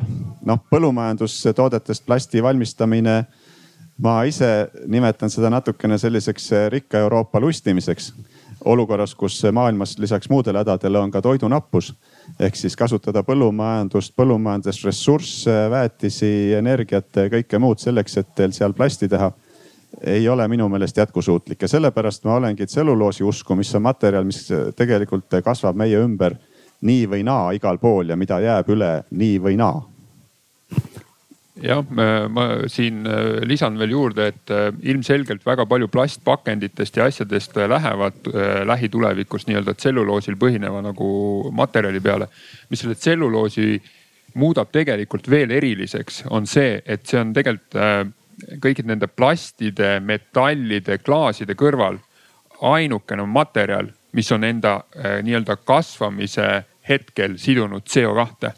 nii et suure tõenäosusega need äh, ma ei julge öelda, et need on kliimaneutraalsed pakendid, eks ole, ma seda ei julge öelda. aga äh,, aga ta on ainukene, mis on enda nii-öelda eluea jooksul sidunud ise ka CO2 kui see tootmine on korraldatud kliimaneutraalselt, eks ole, kliimaneutraalse energiaga ja, ja nii edasi, siis see materjal ise on jah süsinikuneutraalne, et isegi kui me ta ära põletame, siis vabaneb täpselt seesama süsinik, mida taimed on oma elu jooksul siis sidunud selle materjali valmistamiseks.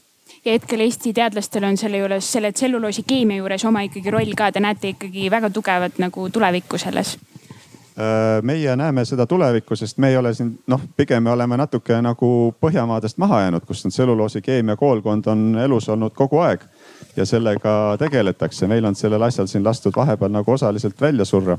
aga praegu on äh, olemas siis äh, vastavad meetmed ka, no mina ise esindan Tallinna Tehnikaülikooli, et, et see valdkond jällegi käima tõmmata ja meie oma siis polümeeride plastitehnoloogia kompetents just siduda siis selle tselluloossete materjalide tehnoloogia kompetentsiga, et saada siis selliseid tuleviku pakkematerjale. aga mida selleks vaja on tavaliselt, et sul on mõistus, teadmised ja mingi punt inimesi, kellel veel need asjad on, aga kas millestki on puudus, et varem juba sellega tegelema pole hakatud? rahast äkki? raha on ikka alati kõige taha, isegi, isegi, isegi head teadust ei saa ilma rahata teha. no just, aga kust see raha tuleb või kust ta, miks ta puudu jääb? Äh, selle raha taga on jällegi siis äh, teaduspoliitika kujundajate prioriteedid ja õnneks on siis Eestis nüüd käivitatud selline Resta programm, mille põhifookused on siis äh, puit, toit, äh, maavarad ja vist noh, IT natuke kaldub sellest teemast kõrvale. et just, et meie rahvuslikke, riiklikke ressursse väärindada. Nende hulgas siis puit, mille üks siis noh, puit teadupärast koosnebki valdavalt siis tselluloosist, emitselluloosist ja ligniinist. et neid komponente siis biomassi komponente siis väärindada ka siin kohapeal. kas raha tuleb, on, on sul tunne, et tuleb ja saab teha või? raha on juba tulnud oh,. lihtsalt sa praegu juba. istud, sa peaks tööl olema no ma lähen, lähengi järgmisest nädalast hakkab töö peale jälle ja hakkame Selge. tegema edasi aga bioloogne plast, eh, tselluloosi ei ole otseselt, kuidas te, te ütlete tema kohta bioloogne plast või? Äh, lõpuks laguneb kõik. aga selle lagunemise määrab ära siis materjali koostis, aeg ja tingimused Äh, ütleme niimoodi, et sellist kiirelt bioloogiliselt laguneva plast, mis meil turul on, on ikkagi siis tärklisepõhine, millel siin noh, enamus, mis praegu vist ka poes müüakse, mis öeldakse, sa võid kohe komposti visata, on siis termoplastne tärklis tegelikult. see on äh, lagunev kiiresti, aga tema probleem on seesama, et ta on tegelikult ka põllumajandusmaterjal. tärklist, äh, tselluloosi inimene süüa ei saa. loomad saavad mõningad mäletsejad, inimene ei saa keemiline koostise erinevus on väga väike tärklisel ja tselluloosil, aga tärklist inimene saab seedida, et selle tuleks ikkagi jätta siis toidulaual. tselluloos nii kiiresti ei lagune, noh, meil on siin ju kõigil siin iste, puidust iste, eks ole, on siin, kestab siin heade oludega paarkümmend aastat, saab seal peal istuda.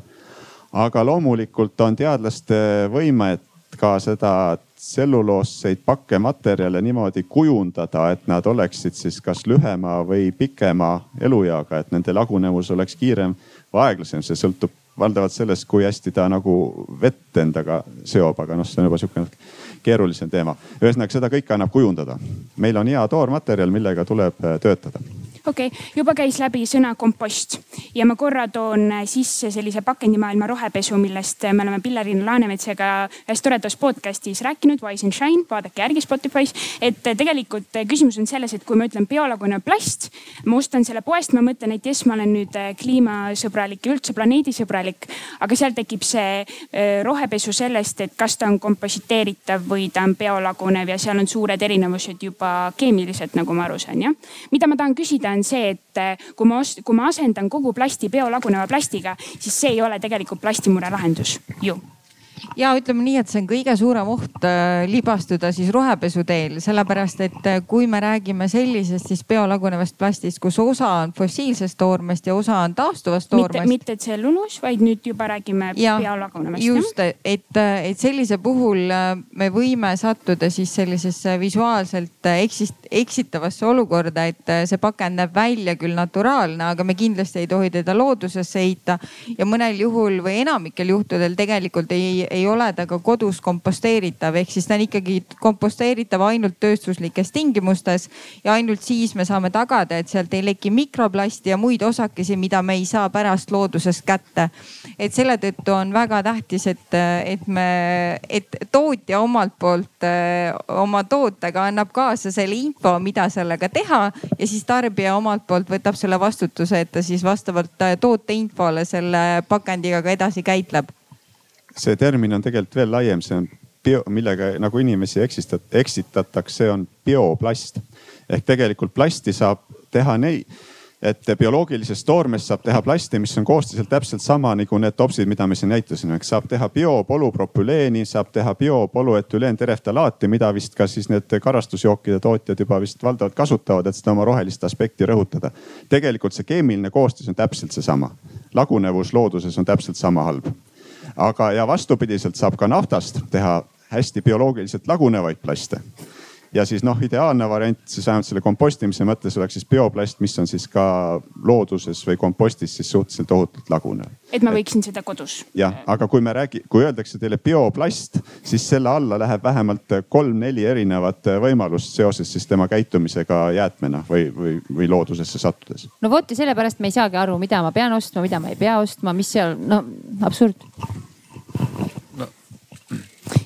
no on need kompostitavad, eks ole, et, et äh, neid on, saab tegelikult need väikesed kilekotikesed, need saab nagu kompostida, aga ma olen siin äh, nõus, et äh, ega see ei ole mingi lahendus, eks ole, et, et kui me hakkame nagu toidust tootma ühekordseid nagu pakendeid ja siis arvame, et oleme kõik väikest viisi planeedipäästjad, et, et see aga mida teie näete lahendusena, mis oleks kõige parem, kas? millele? sellele plastimurele, et kui see bioloog asendamine ei sobi, kas prügi sorteerimine on siis see kõige suurem, kõige parem lahendus? no ühte lahendust ei ole, eks ole, et ongi nagu tuleb esiteks ringi disainida väga suuresti äh, toodete disain mm. -hmm. eks, et me nagu ennem rääkisime, tuleb kõigepealt üldse luua eeldus, et need materjalid saab ringlusse võtta äh,. me peame väga selgelt ümber disainima ka oma käitumisharjumused ja, ja väga paljudele asjadele tulevadki nii-öelda uued ärimudelid peale mm. -hmm ja need uued ärimudelid äh, siis keskenduvadki siis äh, korduvkasutatavatele pakenditele. okei. Okay.. aga jah.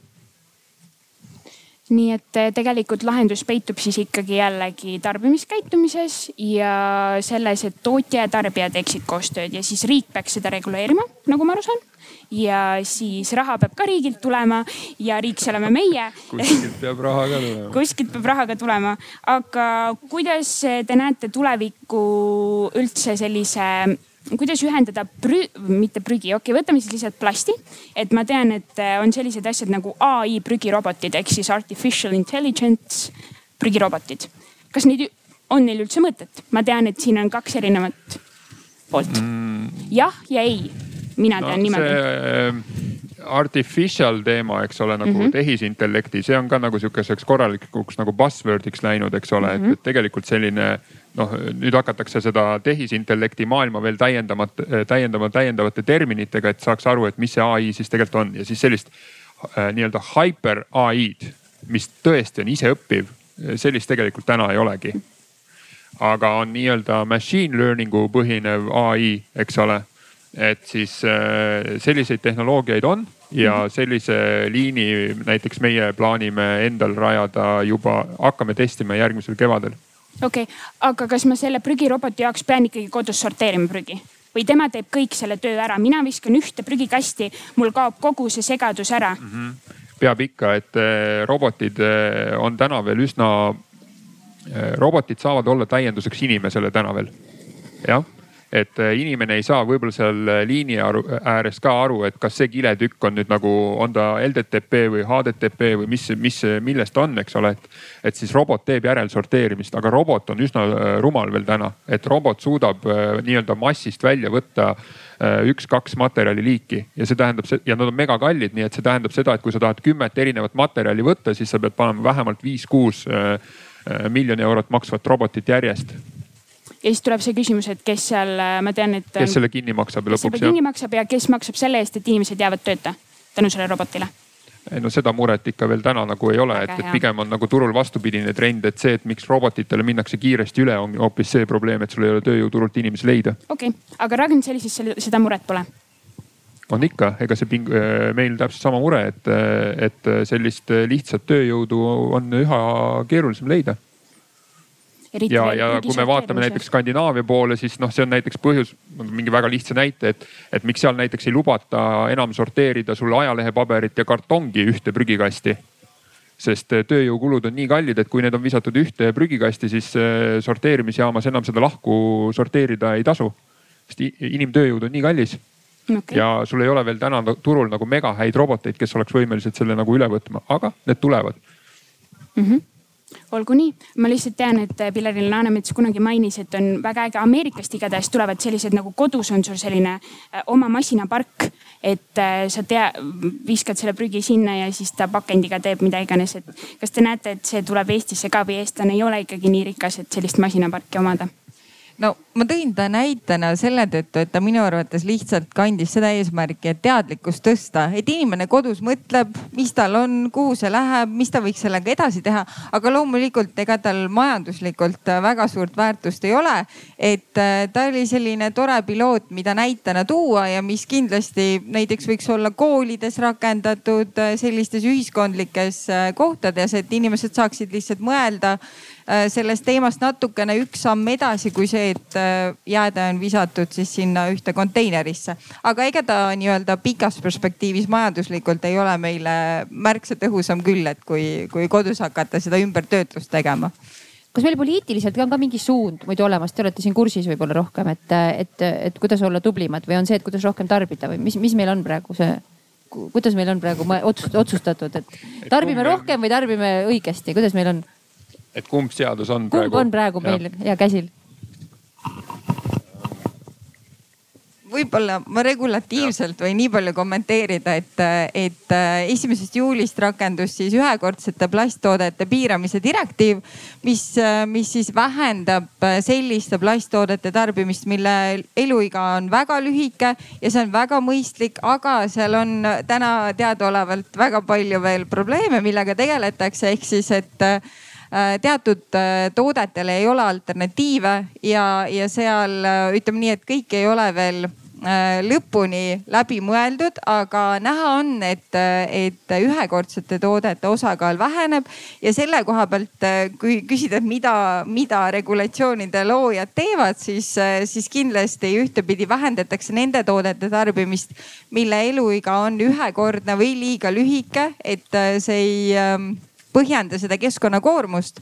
aga teistpidi, teistpidi ütleks ka nii palju, et mina tean, et ka rohehanked igasugustes eluvaldkondades ikkagi pööratakse sellele rohkem rõhku, et kõik ressursid, mida me tarbime ja, ja nii-öelda äh, seadusandjad meile nii-öelda ette annavad, kus piirides me võime liikuda, et need siis ikkagi liiguksid sinna suunas, et, et ressursid oleksid mõistlikumalt kasutatud. aga mida te tahate, et tehtaks? Nagu on mingi ettepanek äh, kasvõi riigile, et mida. no me saime aru, et vastutama peab riik nüüd, et äh, tarbija ei saa vastutada, tootja ei saa vastutada. mida te tahaksite? riik, meie ise jälle siis. ja meie ise. noh, ma näeksin seda, et äh, ikkagi läbi maksustamise muutuks ringlussevõtt ettevõtjatele atraktiivsemaks, see tähendab siis noh, ühtpidi toetust, aga noh, kuna me riik oleme ise, me ei saa lõputult nagu iseennast nagu see nagu poputada. aga, aga teistpidi see tähendaks siis ikkagi primaarse materjali hinna kasvu. et, et ettevõtjatel on siis nagu võimalus nagu otsustada ja nende jaoks, kuna need tooted lähevad siis ka kallimaks, siis on nagu ikkagi võimalus rohkem mõelda selle peale, et, et materjale uuesti ringlusesse võtta muidugi noh, see on nüüd jällegi selline üleminek, kogu see, kogu see ringlusse võtnud, just naftapõhiste materjalide ringlusse võtt, see on sihuke vaheetapp, me peame tegelikult ka mõtlema pikemalt ette, et just see, mida, mis hakkab toimuma siis, kui nafta ükskord otsa saab ja seal ei ole peale biolahenduste muud varianti, aga selle peale tegelikult peaksid poliitikakujundajad juba praegu mõtlema. olgu nii no neid väikeseid ja suuri asju, mida meil on vaja muuta, on ju, neid, sellest ma võiks selle mikrofoni täis rääkida, aga, aga äh,. just plasti koha pealt äh, no ma tulen natuke selle odava põletamise juurde, et, et äh, ma ikkagi nagu hakkaks nagu keskenduma juba Eestis täna sellele, et, et me hoopis äh, subsideeriks ja toetaks äh, ringlussevõttu, mitte nagu masspõletamist, et see oleks nagu üks asi. et see, seda teed on nagu paljud või mitte paljud, aga mitmed Euroopa Liidu riigid ka juba läinud, et, et nad on ka põletamist hakanud nagu maksustama just selleks, et toetada ringlussevõttu, eks ole et see on, see on nagu üks teema, mis meil tuleb nagu Eestis ära teha, aga, aga ma tahan nagu teiseks rääkida seda, et meil on täna Eestis käimas Ragn Seltsiga üks Euroopa suurimaid ringmajanduse projekte ja meil on eesmärgiks siis võtta need äh, põlevkivituhkade mäed, mis on viimased, ütleme sada aastat lihtsalt seisnud looduses väga suure keskkonnakoormusega, sest nad on äh, äh, väga aluselised äh,. ja meil on täna siis tänu TalTechi äh, teadlastele, Tartu Ülikooli teadlastele välja töötatud tehnoloogia, mis võimaldab seda äh, neid tuhkasi väärindada äh, kaltsiumkarbonaadiks ja seda kaltsiumkarbonaati siis üks koht, kus seda kasutatakse, on ka näiteks plastide tööstus. miks ma sellest räägin, on see, et me oleme seda nüüd täna run inud äh, viis aastat ja selle viie aastaga me oleme jõudnud sinna, äh, kus meil on olemas juba nii-öelda tehnoloogia, me oleme seda tehnoloogiat katsetanud ka tööstuslikul skaalal väga edukalt meil on täna olemas juba turu peal suured Euroopa partnerid, kes on huvitatud sellest tootest. aga aeg on andnud meile selle nagu äh, võimaluse, et sellised projektid saaksid nagu sündida. kui me oleks seda kümme aastat tagasi teinud, hakanud mingitest tuhamägedest välja võtma kaltsiumkarbonaati, käinud turu peal rääkimas, et kuulge sõbrad, et see on ringmajanduslahendus, me suudame kliimaneutraalselt toota, onju, ja maksa tänu sellele kolmkümmend protsenti rohkem see poleks mitte kedagi huvitanud, eks ole, see projekt poleks kunagi saanud elujõuliseks. täna see, kus me oleme oma maailmaga, annab üldse eelduse, et, et see eh, on võimalik, on ju. ja kogu nende plastidega, nende ringmajanduslahendustega, nende nii-öelda tehnoloogiliste eh, ütleme robotsorteerimistega, eks ole. see on kõik võimalik tänu sellele, et kuhu me oleme tänaseks jõudnud. nüüd on küsimus, kas see sprint, mis, sprint, mis meil on vaja nüüd teha, et need kõik muutused toimuksid kas me oleme sellega natukene hiljaks jäänud või mitte, eks ole. Aga noh, need muutused toimuvad järgmise nagu kümne-viieteist aastaga ja need muutused on drastilised, mis hakkavad toimuma. korra küsin vahele, et lihtsalt äh, tarbija aspektist ka, et kas on lihtsam praegu jätkata seda lineaarset majandusmudelit või nüüd panna palju raha sinna ringmajandusse, kui palju see üldse läheb maksma praegu see, et me hüppaksime nüüd lineaarselt üleminek sinna ringmajandusele nagu kõikides äh, eluvaldkondades? Kas kallim on jätkata samaviisi no looduse poolest on ikkagi targem valik minna ringmajanduse teed, me seda teame juba. aga kas on mingeid arvutusi tehtud või praegu on see selline tume ala. no täna, eks ole, kogu maailm räägib ainult CO2-st, mis ei ole päris õige, eks ole mm, -hmm. kogu see liigirikkuse ja üldse ökosüsteemide teema on palju nagu laiem, eks, et kui nagu CO2, aga täna on kogu planeet võtnud endale fookuseks CO2 ja me oleme leppinud kokku, et see temperatuur, keskmine nii-öelda globaalne temperatuur ei tõuse rohkem kui üks koma viis kraadi. Et soojenemine ei ole siis äh, kõrgem.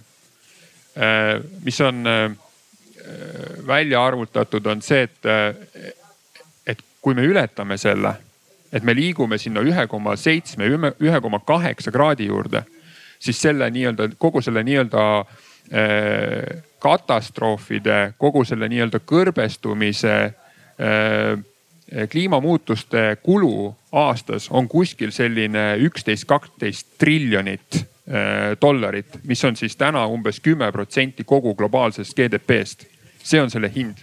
ja ju väga huvitav on see, et ikka me räägime rahast et isegi sellisel mm -hmm. juhul, kui meil pole enam kuskil elada ega midagi juua ega nagu mida iganes, et siis on ikkagi see, et me arvutame selle ümber rahast, sellest ja, me mõistame kõige paremini. aga just me mõistame seda, aga see on juba selline äh, hulk raha et see hakkab nagu kogu maailma majandust omakorda, et üks asi on see, et, et need nii-öelda kliima eskaleerumised hakkavad pooma maailma majandust ja kogu seda nii-öelda sotsiaalset süsteemi, et seal ei ole ainult nagu küsimus nagu rahas, eks ole, seal on taustal kõik sotsiaalsed süsteemid, eks ole, mida täna see raha aitab üleval hoida. ja et, et need kliimaprobleemide eskaleerumised hakkavad ise nii-öelda äh, seda maailma majandust pooma väga selgelt. pluss see, et mis raha sa pead panema nende tagajärgedega võitlemiseks, eks ole, et, et see on päris põnev jah ja kahjuks on inimloomus selline, et, et mida ta hästi mõistab, on oma konkreetne rahakott, mis kõliseb. et eh, neid globaalsete probleeme ta ei mõista enne, kui see õnnetus on, on kodus käes. ja veel vaadatakse, noh, meil siin ilusti veel päike paistab, pole midagi, et kuskil seal juba noh, Saksamaal las seal uputab, las seal Aafrikas. ja suvi oli. eks ole, et, et, et see on kahjuks inimloomuse selline osa, aga raha on nagu läbi aegade see, mis inimest ikkagi on pannud nagu mõtlema, midagi ei ole teha mingeid uusi lahendusi veel või küsime publikuid ka? ärme publikult midagi küsi või muidugi küsin ja esimene küsimus ja kes jookseb mikriga sinnapoole? sealt ta tulebki. ma ei teadnud, et mikrofon ka on mul on hästi rumal küsimus, äh, mul ongi tavaliselt rumalad küsimused. Äh, mis peaks juhtuma, et aastal äh, kaks tuhat kolmkümmend, kujutame ette, et on aasta on kaks tuhat kolmkümmend, siis et sa uut plasti toodad, kui sa toodad uut plasti, et sinu toormaterjalina vana plast on odavam kui siis mingisugune toormaterjal et praegust mulle tundub, et see on üht, üsna tähtis asi, mis peaks juhtuma, et, et selline ringlus siis, siis tekiks seal. No üks on see, et äh, mida mõned riigid ka rakendavad, on siis äh, süsteem, kus ettevõtted, kes kasutavad sekundaarset materjali, nad saavad siis omakorda maksusoodustusi äh, selle eest, et nad selle panuse, panuse annavad, et, et kas ta sinnamaale jõuab, CO2 hind ja kõik muutujad. ma arvan, et see ühel hetkel jõuab oma tasakaalupunkti, et, et on ka sekundaarset materjali majanduslikult tõesti põhjendatud kasutada. sellepärast, et äh, sõltuvalt plastiliigist mõnel juhul on sekundaarne materjal juba täna soodsam, aga enamikel juhtudel lihtsalt kahjuks ei ole. jah et hea uudis ongi see, et tegelikult äh, teatud plastide puhul ongi juba selline situatsioon kohal siin äh, Euroopa on väga palju piiranud seda, et äh, nii-öelda plastid, eriti kräppplastid, kõik siuksed asjad liiguksid Euroopast välja. et nad ta, Euroopa tahab üha rohkem liikuda isemajanduse nii-öelda isemajandava mudeli suunas. mis see on toonud, on Euroopas selle toonud, et Euroopas nagu CO2 hind on äh, no mitte ainult see, aga erinevatel põhjustel Euroopas on megakõrge CO2 hind ja kui sa kasutad sekundaarset materjali, siis selle näiteks plastide puhul see nii-öelda CO2 hulk on umbes nelikümmend prossa väiksem.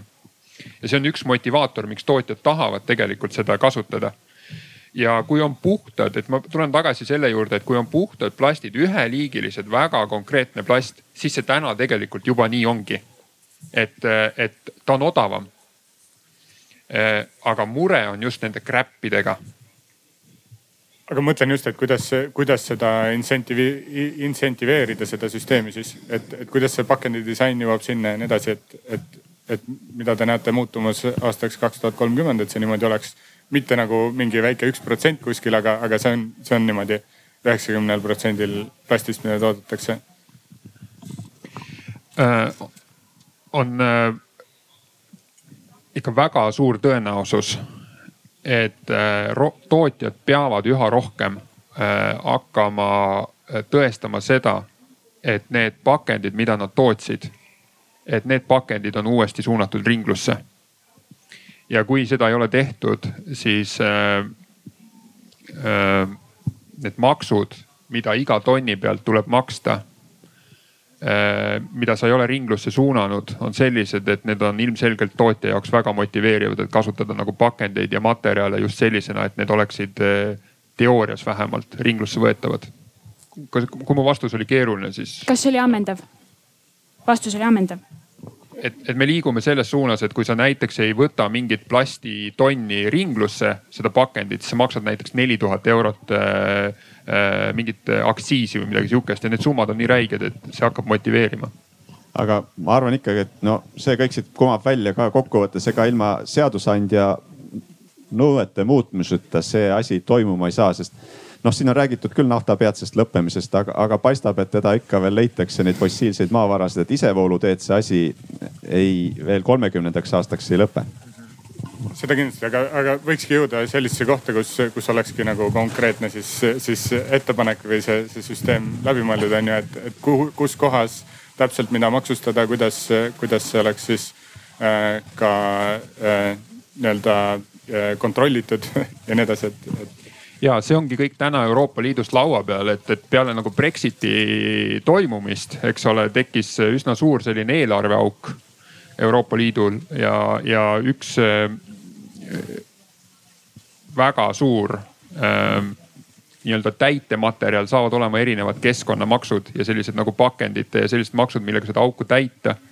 Nii et need teemad on väga tugevalt täna laua peal, nii et me näeme siin juba mingisuguseid otsuseid, nii-öelda see nii-öelda uus taxification, me näeme seal juba nagu muutusi järgmise paari aasta jooksul, ma arvan ma luban, et viimane küsimus äh, sellele jätkuks. Äh, kas me saame olla Eestina kuidagi eeskujuks siin?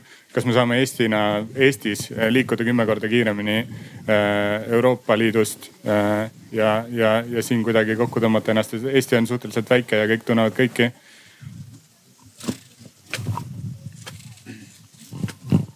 kui meil on siin neid IT-mudeleid erinevaid nii efektiivselt rakendatud, siis ma arvan, et, et näiteks mingisuguste uute ringmajandusmudelite rakendamine siin oleks küll teostatav, noh. ma ise kujutan näiteks ette, et kasvõi see toidupakendite korduvkasutamine kõik sihukestes asjades nagu eeskuju näidata, näiteks. Kas meil on vaja siis äkki mingit hästi head juhti, mingit vedajat, kedagi hästi sellist tüüpi, sest no inimesed me ju kõik oleme, kes nagu võtab oma südameasjaks ja rammib siit läbi, no ma ei tea, keda uus president. noh, ei noh, võib ka see vana, aga see võiks ta teema olla et selles mõttes äh, ma ei tea, tundub, et, et noh, see hajub ära ka selle tõttu tihti, et blablabla, sa räägid küll, aga ma nagu mingi hetk juba ei saa aru, onju. et selles mõttes on ju ma ei julge lubada, et äh, Ragel sellest kõiki neid muresid ära lahendab, aga meil on päris mitmeid selliseid äh, RD projekte, kus me tegelikult ka tuleme üsna pea turule, ma ei saa nendest palju rääkida, aga turule just sihukeste nagu digitaalsete ja korduvkasutatavate pakendite nagu lahendustega. ja, ja meie soov on võimalikult kiirelt nagu piloodid ära teha, et siis saaks hakata seda nagu kasvatama järjest edasi, eks ole, et neid pakendeid on kahjuks nii mustmiljon on ju, et kõikidele me ei jõuda seda korduvkasutava lahendust teha, aga, aga alustaks kuskilt jah. digitaalsus on kindlasti üks lahendus. üks võtmesõna, kas kellelgi on veel küsimusi? jah, sealt tuleb veel üks Roosmari selja taga. aitäh. mul oli kiiresti kaks küsimust äh, Lääne-Harju vald ja Rohelise valla tiimi poolt siis äh, oli au ka siinsamas ennem äh, paneelis olla. kaks küsimust. millal saab laiem toiduainetööstus pakendada materjali, mis on läbipaistev ja samas taaskasutatav ja mis pole klaas? küsimus on ajendatud planeeritavast ühekordse plastpakendi maksustamisest kahe tuhande kahekümne teisest aastast ja teine küsimus, võite valida, kummale soovite vastata. kui tõenäoline on ja kui, siis millal toodetakse esemeid ja ka pakendeid ainult ringmajandusest pärit materjalidest, ekspluateerimata maapõue ja muud rohkem? ringmajandusest äkki?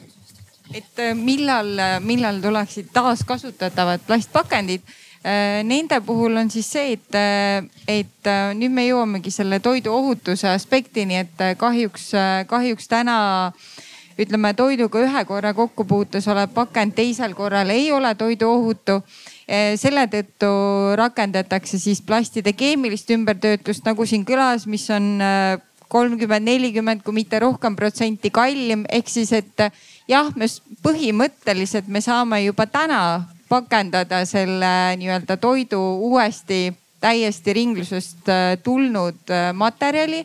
aga see on meie kõigi rahakotile umbes viiskümmend protsenti kallim, ütleme kogu tsüklis. et, et seal on see küsimus, et võib-olla sellel hetkel on meil mõistlikum minna oma karbiga poodi ja pakendada seda, kui me ei taha maksta umbes poole rohkem oma pakendi eest, see on üks asi. ja teine teine on see, et, et, et järjest enam tuleb neid, tuleb neid alternatiive ka turule, aga täna on tõesti probleem suurtootjatel, et neid alternatiive ei ole, et selles mõttes ma väga mõistan seda muret. seda küsimust, millal nüüd täielikult võiks olla lõppenud fossiilsetel maavaradel põhinevad materjalid, vist see või noh, pakkematerjalid oli ka küsimus. Et millal on äh, kõik pakendid, mida toodetakse, nende algmaterjal on pärit ringmajandusest, et ekspluateerita enam erinevaid äh, maapõuest ja mujalt äh, loodusest võetavaid materjale jah, seda nüüd siin kuu, kuupäeva ja aastat välja käia on nagu raske. et ma, ma pigem tahtsin jah kommenteerida seda poolt, et millal enam seda fossiilsetest materjalidest ei tehta et see võib, see võib siin küll sündida lähima kümnendi jooksul võib-olla, aga seal ilmselt on üks sihukene vaheetapp, kus tehakse sedasama jällegi seda polüpropüleeni või polüetüleentereftalaati tehakse ikkagi, tehakse, aga mitte enam naftast. et, et see võib olla selline, selline ülemineku, ülemineku etapp, aga kogu see täieliku ringmajanduse sisseviimine sellel on nii palju nüansse, mis sõltub ka inimeste harjumuste muutmisest ja, ja nii edasi et äh, noh, materjaliteadlasena minul on raske ennustada. aga see on paratamatus jah, kui me tahame ellu jääda, siis see peab toimuma. Aga üks positiivne asi, ma arvan, äh, kui me alustasime aastast kaks tuhat seitseteist ja meil oli äh, vanalinna päevad ja siis meil oli oma telk seal, precious plastic, oleme siin, vaadake, teeme sihuke asi ja tavaliselt tagasiside oli, et äh, miks mille jaoks nagu, kes üldse hoolitseb äh,. aga nüüd, kui me vaatame, mis praegu toimub, me oleme siin, me näeme väga äh, ägedad asjad, et äh, see kõik see taara meil äh, tegelikult kasutatakse siin veel kord. et me ikkagist liigume, et ei, ei pruugi olla niimoodi, et meil on kõik päris, päris halvasti, muidu, muidu olukord parendab ja, ja peame vaatama ikkagi positiivselt aga me võiksime olla muutuste esiotsas, mitte kuskil taga on ju järele joosta. olgu, äh, kui publikult praegu hetkel äh, midagi sellist äh, täiesti uut ei tule, siis ma küsin sama küsimuse, mis ma küsisin alguses ja ma palun hääletada käega. kui vastate jah, siis tõstke käsi, kui ei, siis jätke see alla, sest et vahepealseid variante ei ole olemas. Ähm, kas plast on kahekümne esimesel sajandil veel vajalik? nii tegelikult no rahvast on juurde tulnud, aga ikkagi enamus ütleb jah ei, vastuseid ei ole. Äh, ma kohe küsin selle meie panelistiselt nii sellise kiire sprindiga, aga ma lihtsalt loodan, et tänasest arutelust äh, võtta kaasa siis see, et kui te vastasite praegu jah, samas te teate, et plastimure on olemas ja kõik need numbrid, mis me täna välja käisime, need on reaalsed, see ei ole mingi valeuudis. nii. kohe tuleb mikker vabandust, et plastimure ei ole ju see, et teda, teda vaja ei oleks, et ta on, ta on äärmiselt äge materjal. plastimure on pigem see, et kui ma lähen, lähen sukelduma kuskile, siis, siis ma näen rohkem plasti kui, kui, kui kalu ja, ja sellepärast see küsimus on ka kahemõtteline, kas kahekümne esimesel sajandil veel vajalik, see tähendab, me võime ju kasutada seda plasti, mida me kasu-, tootsime eelmine sajand näiteks, see on tegelikult võimalik ringmajanduses. kui me oleksime seda teadnud sada aastat varem. aga kui te vastate jah, siis ma loodan, et te olete enda vastuseid nii kindlad, et te suudate endale selle ära põhjendada. aga ma käin hästi kiirelt siis üle ka meie panelistid, et see teema kokku võtta, meil on üks minut ja vastata lihtsalt jah või ei. kas plast on hetkel praegu meile vajalik? möödapääsmatu. ma olen nõus, et kui jätta radikalism kõrvale, siis, siis see vastus on jah. täpselt sama jah. jah. just asendamatu peamistes eluvaldkondades ja eriti elutähtsates, nii et jah siis nii see ongi, me saime natuke targemast plastist, midagi ei vastuseid meilt siit ei tulnud. jätkame oma plasti tarbimisega, aga palun vastutustundlikult. ja tegelikult ma tänan kõiki paneliste. sedasama arutelu illustreeris täna meil Jaanika Siiroja kus ta on, kas ta lehvitab meile. ja ehk siis sellest samast arutelust, kui teil jäid mingid ägedad mõtted, te saate need pärast sotsiaalmeediast kindlasti leiate ülesse ühe väikese sketši kus on kõik need tähtsamad mõtted äh, olemas, kui midagi peaks meelest ära minema, kui te koju jõuate. ja ma loodan, et te kuulate kindlasti noortegrupp Wise and Shine podcast'i, kus on osalenud mitmed meie tänased panelistid, räägivad samadel teemadel, aga natuke vähem, umbes pool tundi. nii et äh, väga hea selline, selline väikene, ma ei tea, söögi tegemise kõrvale või rannas äh, olemise kõrvale väike meelelahutus, samas tark ja hariduslik. ma tänan, et te osalesite meie arutelul ja võib-olla näeme järgmine aasta jälle, sest plastiprobleem selleks ajaks kindlasti seljatatud ei ole. aitäh teile. selge see,